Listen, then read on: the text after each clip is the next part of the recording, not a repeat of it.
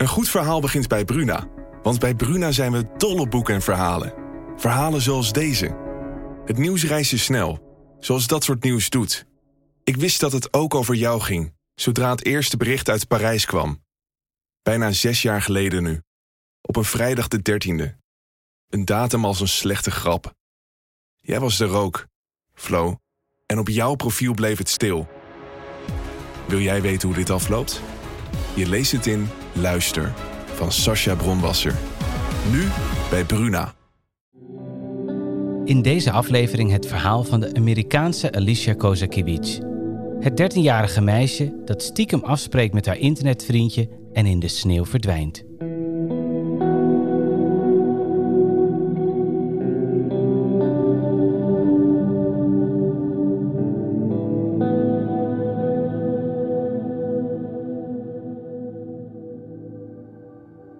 Je luistert naar de podcast Ontvoerd. Mijn naam is Maya Noordam en ik zit hier achter de microfoon samen met Kevin van den Berg. Zoals iedere week duiken wij ook nu in een ontvoeringszaak die wereldwijd voor opschudding heeft gezorgd. Om alvast een beeld te krijgen bij deze ontvoering, kijk je op onze Instagram-pagina Ontvoerd de podcast. Dit is Ontvoerd, aflevering 35, Vals Spel. Onze waargebeurde ontvoeringsverhalen bevatten schokkende details over geweld, seksueel misbruik, claustrofobie en of mishandeling. Ben je jonger dan 18 jaar of gevoelig voor deze details? Dan adviseren we je om niet naar onze podcast te luisteren.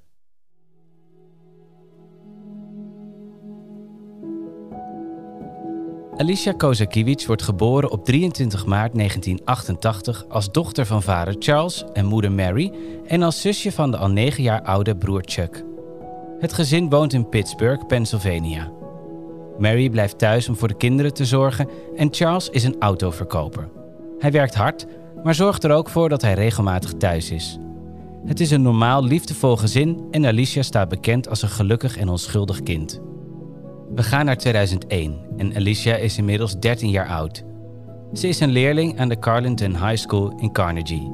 Hier heeft ze een klein, maar hecht groepje vrienden. Ze is rustig, haalt hoge cijfers, doet nooit iets verkeerd en spreekt haar ouders ook nooit tegen. Alicia's broer Chuck is gek op online games en Alicia raakt geïntrigeerd door de online wereld. Naast de spelletjes ontdekt ze ook dat het internet een plek is waar ze met vrienden kan chatten.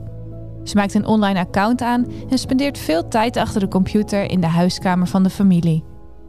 Het is 2002 en een tijd lang voor social media, influencers, vloggers en cyberpesten.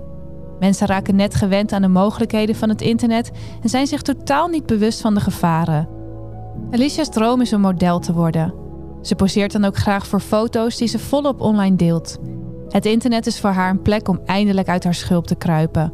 Online is ze niet verlegen en kan ze zijn wie ze echt is.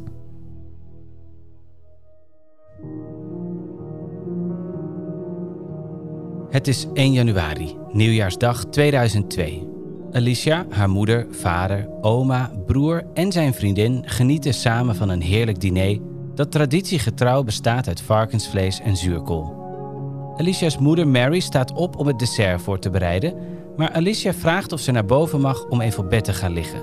Ze heeft buikpijn, zegt ze. Mary stemt toe en Alicia verdwijnt van tafel. Maar het is een leugen dat Alicia buikpijn heeft en even op bed wil gaan liggen. In plaats daarvan glipt ze langs de kerstboom de voordeur uit. Deze doet ze niet dicht, want ze gaat iets doen dat maar een paar seconden duurt. Alicia is namelijk van plan om buiten iemand eventjes gedag te zeggen en vervolgens naar binnen te gaan voor het dessert. En niet zomaar iemand, ze gaat eindelijk de jongen in het echt zien die ze online heeft ontmoet op een gamewebsite. Ze heeft deze Scott nog nooit in het echt gezien, maar ze zijn door andere online vrienden aan elkaar voorgesteld, dus dat zit wel goed. Ze hadden online direct een klik. Scott bleek dezelfde leeftijd te hebben als zij en deelde veel van haar interesses. De twee hebben de afgelopen negen maanden uren per dag met elkaar gechat en ze kennen elkaar door en door. Scott luistert altijd naar Alicia's verhalen en geeft haar advies over haar ouders en vrienden. Alicia kan altijd haar verhaal bij hem kwijt en rekenen op zijn steun. En nu is het eindelijk tijd om elkaar in het echt te zien.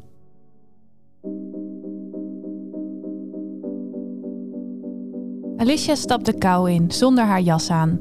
De ontmoeting duurt maar eventjes en ze wil niet dat iemand merkt dat ze weggaat. Ze loopt de straat uit naar de hoek. De straten zijn bedekt door een laag sneeuw en ijs en er is niemand te bekennen. Het is doodstil. Het enige wat ze hoort is de knerpende sneeuw onder haar voeten. Ze bereikt de hoek van de straat en blijft staan. Dan zegt een klein stemmetje in haar hoofd: Alicia, wat ben je aan het doen? Dit is echt gevaarlijk en je moet naar huis. Alicia besluit om naar haar intuïtie te luisteren. Ze draait zich om en begint terug te lopen totdat ze haar naam hoort. Dan wordt alles een waas. Ze ziet een man, maar dit is niet de jongen van haar leeftijd die ze had verwacht. Het is een grote, dikke man die haar hand vastpakt. Hij knijpt zo hard dat het voelt alsof haar hand gebroken is. De man zegt tegen haar dat ze stil moet zijn en braaf moet doen wat hij zegt, anders legt hij haar in de kofferbak van zijn auto. Hij duwt Alicia in de auto en rijdt weg. Alicia is direct doodsbang. Dit is foute boel. Ze hoopt nog dat hij alleen met haar een rondje gaat rijden en haar vervolgens weer thuis afzet. Maar helaas, ze rijden alsmaar verder en verder weg van huis. Alicia probeert de straatnaamborden te bekijken zodat ze weet waar ze is, maar al snel herkent ze niets meer. De man rijdt in hoog tempo de snelweg op. Alicia is in een oogwenk ontvoerd.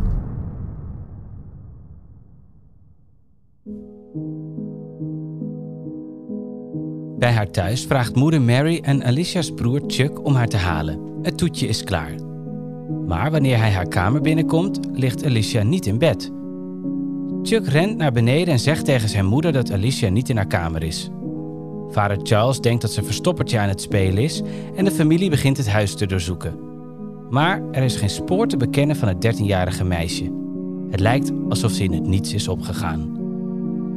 Dan ziet Mary dat de voordeur wagenwijd open staat en dat is erg vreemd met het ijskoude decemberweer. Het is duidelijk dat Alicia niet meer thuis is, maar het lijkt er ook niet op dat ze bewust is weggegaan. Alicia's jas hangt nog gewoon aan de kapstok en ook de 200 dollar die ze voor kerst had gekregen ligt nog op haar slaapkamer. Waar is hun dochter gebleven?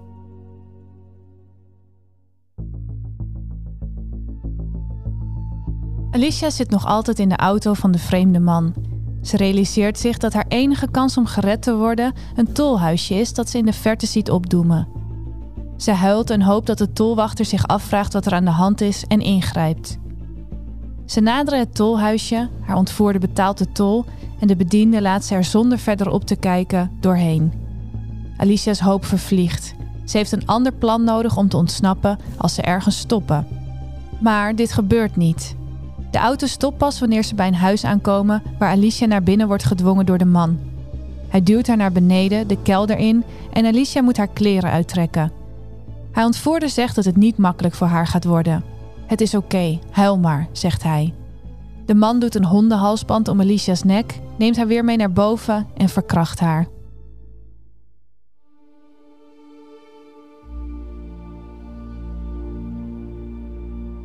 Ondertussen weet haar familie dat dit niets voor Alicia is. Ze heeft nog nooit eerder zoiets gedaan en is eigenlijk altijd bang om ergens heen te gaan zonder haar ouders. Er moet iets ernstigs aan de hand zijn. Mary en Charles bellen daarom direct de politie en geven hun dochter op als vermist. Het verhaal over de vermissing wordt overal in het nieuws en online gedeeld. Er worden vermist posters gemaakt met Alicia's foto en haar fysieke beschrijving. Het gaat om een 13-jarig meisje met zandkleurig haar en groenblauwe ogen, zo valt te lezen. Ze is zo'n 1,65 meter lang en weegt ongeveer 45 kilo. Ze heeft vermoedelijk vlechten in en draagt een spijkerbroek met daarboven een roze trui. Natuurlijk vragen agenten aan Alicia's vrienden of ze enig idee hebben waar ze kan zijn. Maar de lokale politie schakelt de hulp in van de FBI en dan in het bijzonder het team dat gespecialiseerd is in high-tech misdaden. Alicia's ouders denken namelijk dat ze misschien online met iemand heeft gepraat en dat diegene haar heeft meegenomen. De computer in de woonkamer die Alicia altijd gebruikt, wordt onderzocht. Dit proces duurt alleen behoorlijk lang. De high-tech eenheid is gloednieuw binnen de FBI en het is voor iedereen iets nieuws om computers te betrekken bij een onderzoek. Maar er is geen tijd te verliezen. In afwachting van dit onderzoek proberen rechercheurs andere wegen om Alicia te vinden. Via nieuwsuitzendingen, artikelen, posters en het internet proberen ze aandacht te krijgen voor de zaak in de hoop op tips. En met succes. Vier dagen later komt er bij de FBI een anonieme tip binnen van iemand die belt vanuit een telefooncel. De man vertelt dat Alicia nog is gezien nadat ze haar huis verliet en dat ze wellicht nog in leven is.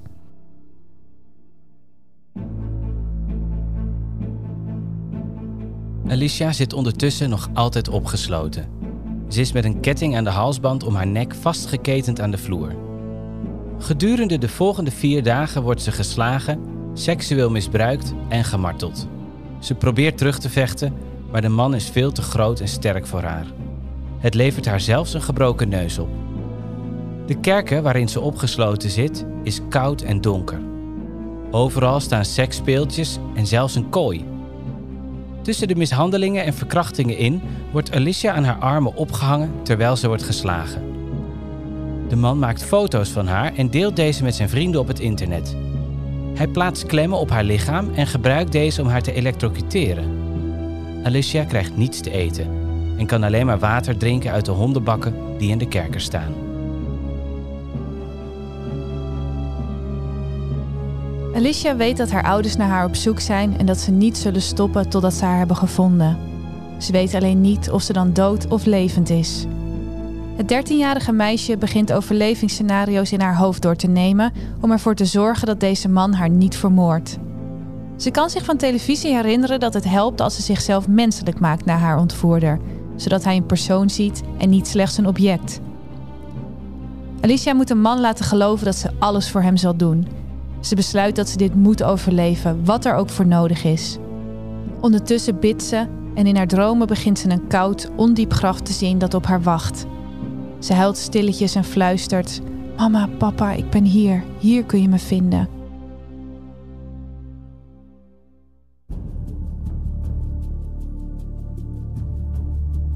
Op de vierde dag van haar ontvoering verandert de hele houding van de man die haar heeft meegenomen. Hij komt naar beneden en zegt tegen haar dat hij haar leuk begint te vinden. Vanavond gaan ze een stukje rijden, vertelt hij haar. Ook krijgt ze voor het eerst sinds de ontvoering iets te eten. Alicia voelt aan alles dat dit betekent dat ze vanavond vermoord gaat worden. De man zegt dat hij eerst nog even weg moet om te gaan werken. Zelfs nadat hij is vertrokken, schreeuwt Alicia niet om hulp. Ze weet niet of dit een van zijn manipulaties is en denkt dat hij stiekem wacht tot ze geluid maakt zodat hij haar kan vermoorden. In plaats daarvan blijft ze stil en bidt ze. Ze zegt tegen zichzelf dat ze niet ten onder gaat zonder gevecht, maar ze weet ook dat ze verloren is. Ze kan het nooit winnen van de grote man. Langzaamaan begint ze haar naderende einde te accepteren. Ze houdt de kat vast die haar gezelschap is komen houden en zijn vacht wordt nat van Alicia's tranen. Ze weet het zeker. Vanavond wordt ze vermoord.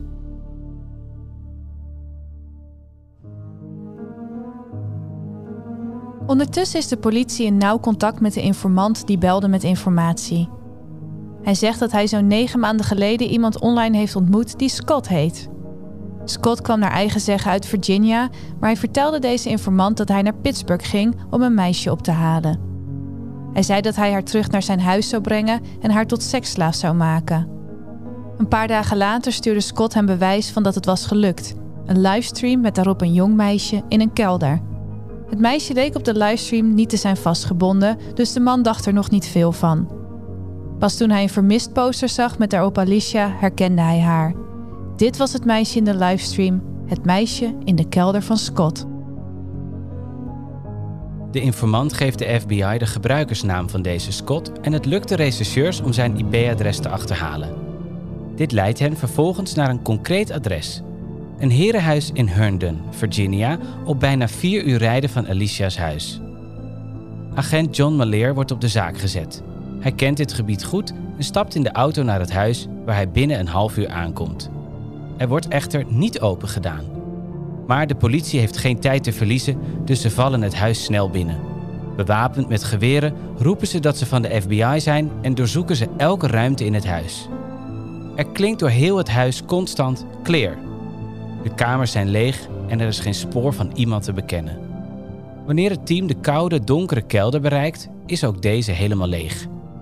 Misschien hebben ze het verkeerde huis, of misschien zijn ze te laat. Hoe dan ook, Alicia is nergens te bekennen.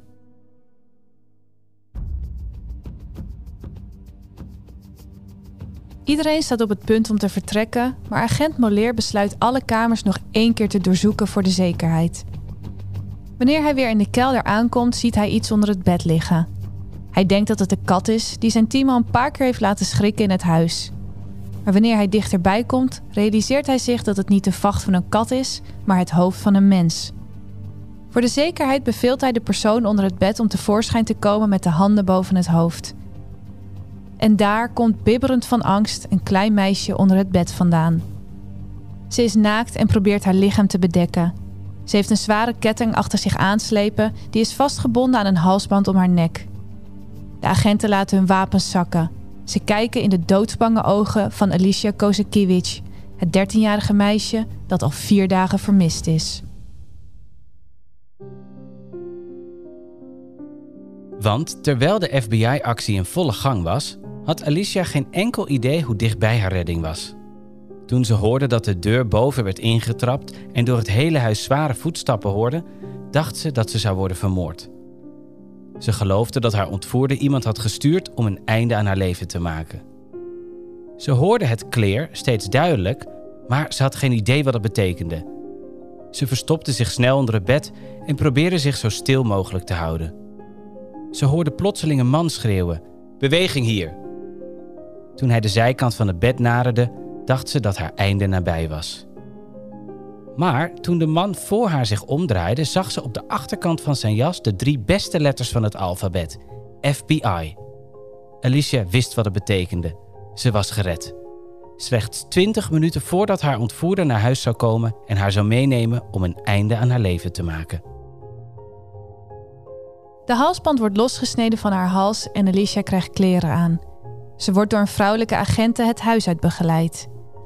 Ondertussen zien de agenten ter plekke de vreselijke situatie. Een kelder vol zwepen, kettingen en andere bondageuitrusting, evenals een kleine kooi. Er zijn ook voerbakjes voor huisdieren waar ze uit had moeten drinken en eten. Alicia wordt onmiddellijk naar het ziekenhuis gebracht en onderzocht. Uiteraard worden haar ouders op de hoogte gebracht van het wonder Mary en Charles willen haar natuurlijk meteen opzoeken, maar door de enorme media-aandacht kunnen ze geen commerciële vlucht naar Virginia maken. Alicia blijkt geen ernstige of levensbedreigende verwondingen te hebben en ze wordt ontslagen uit het ziekenhuis en onder de hoede van jeugdbescherming geplaatst. Maar de volgende dag stuurt de FBI hun privévliegtuig naar Charles en Mary, zodat ze eindelijk naar Virginia kunnen vliegen om hun dochter te zien. Op het moment dat ze de armen van haar vader om zich heen voelt, weet Alicia dat ze veilig is. Eenmaal terug in Pittsburgh ziet ze om alle bomen brede gele linten die haar buren hebben opgehangen om haar te verwelkomen. Alicia is eindelijk weer thuis.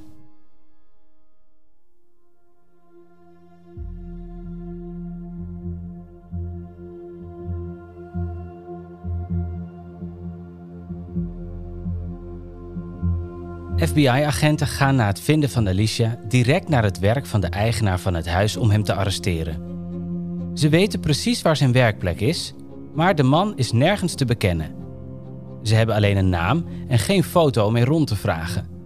Maar agent Molleer herinnert zich iets uit zijn politietraining.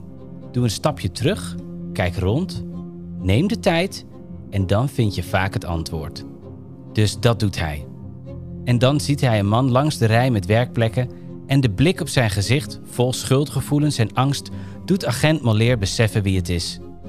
De man rent niet weg en bevestigt dat hij degene is naar wie ze op zoek zijn. Het is de 38-jarige Scott Tyree, de man die Alicia Kozakiewicz had opgesloten in zijn kelder.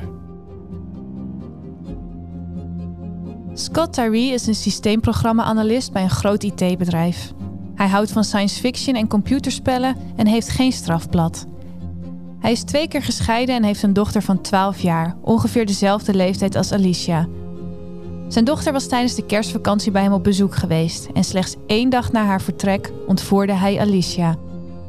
Later blijkt dat hij online advertenties had geplaatst waarin hij zichzelf aanbood als meester voor tienerslavinnen die hij zou trainen om op alle manieren te dienen. Tyree wordt gearresteerd. Regisseurs hebben beelden van zijn livestreams gevonden die hij naar anderen had gestuurd om te laten zien hoe hij Alicia martelde. Tot ieders afschuw, maar om hem te kunnen veroordelen, moest het 13-jarige meisje de beelden bekijken en bevestigen dat het echt om haar ging. Scott Tyree beweerde niet schuldig te zijn, maar op 24 maart 2003 pleitte hij wel schuldig. Hij werd veroordeeld tot 19 jaar en 7 maanden gevangenisstraf met 3 jaar toezicht na zijn vrijlating. Scott ging vervolgens in beroep tegen deze straf, maar het vonnis hield stand.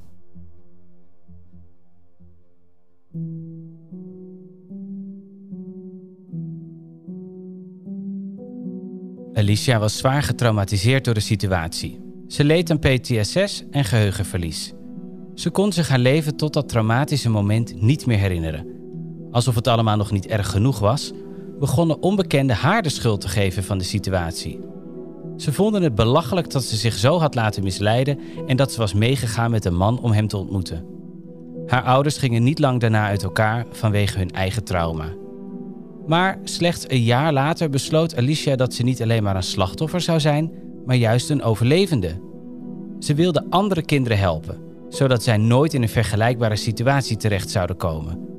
Het slechts 14-jarige meisje richtte het Alicia Project op om het bewustzijn over internetveiligheid te vergroten voor kinderen. Ze ging langs scholen om te vertellen over haar ervaringen. Tot op de dag van vandaag begint ze elke presentatie met: Hallo, ik ben Alicia en ik ben hier om jouw leven te redden. Ook zette Alicia zich in voor strengere internetwetten om kinderen te beschermen. Slechts vijf jaar na haar ontvoering vocht ze voor de Protect Our Children-wet, die het jaar erop werd aangenomen. Ook werkte ze hard aan de Alicia's-wet, waarmee geld wordt vrijgemaakt voor training, werkgroepen, onderzoek en reddingsacties voor instanties die slachtoffers van kindermisbruik helpen. De wet is in elf staten aangenomen en Alicia vecht er nog altijd voor om dit in alle 50 staten voor elkaar te krijgen.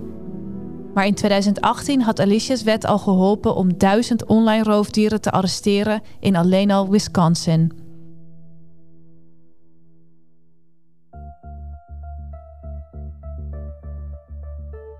In februari 2019 werd Scott Tyree na 17 jaar vrijgelaten.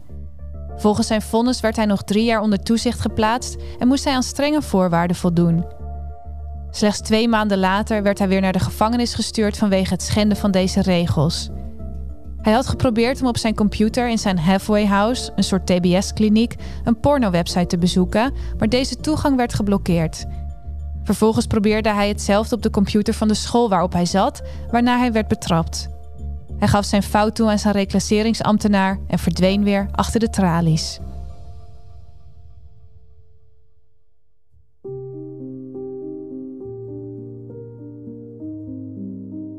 Alicia zet zich nog altijd in voor het delen van kennis met ouders en kinderen over veilig online gedrag. Zo deelt ze dat je kinderen moet leren om nooit persoonlijke informatie te geven of om exacte locaties te delen terwijl je daar nog bent.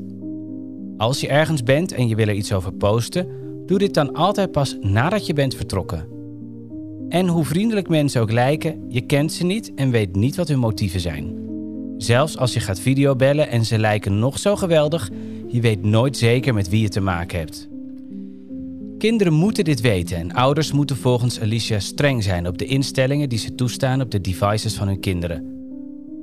Zorg ervoor dat alles privé is en schakel bijvoorbeeld de locatievoorzieningen uit, want hiermee kan de telefoon en dus het kind worden gelokaliseerd. Vergeet ook niet om de telefoon hierop nog even te checken wanneer deze wordt geüpdate. Ken als ouder daarbij elk wachtwoord voor elke site en ieder online account van je kind. Alicia wil ouders meegeven dat het niet is om te spioneren en dat het je geen slechte ouder maakt. Het is jouw verantwoordelijkheid om je kind veilig te houden. Ze zullen je later dankbaar zijn, zo zegt ze.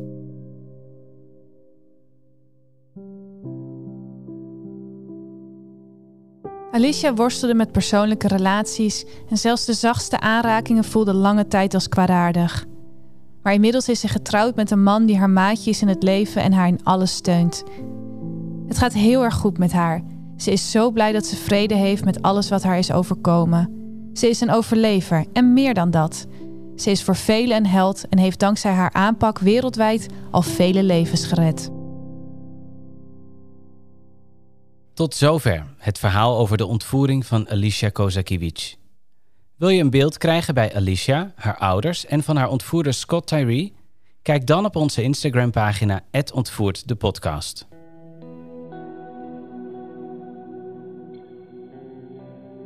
Volgende week duiken we in het bekende en duistere verhaal van de Belgische Marc Dutroux. Tot dan.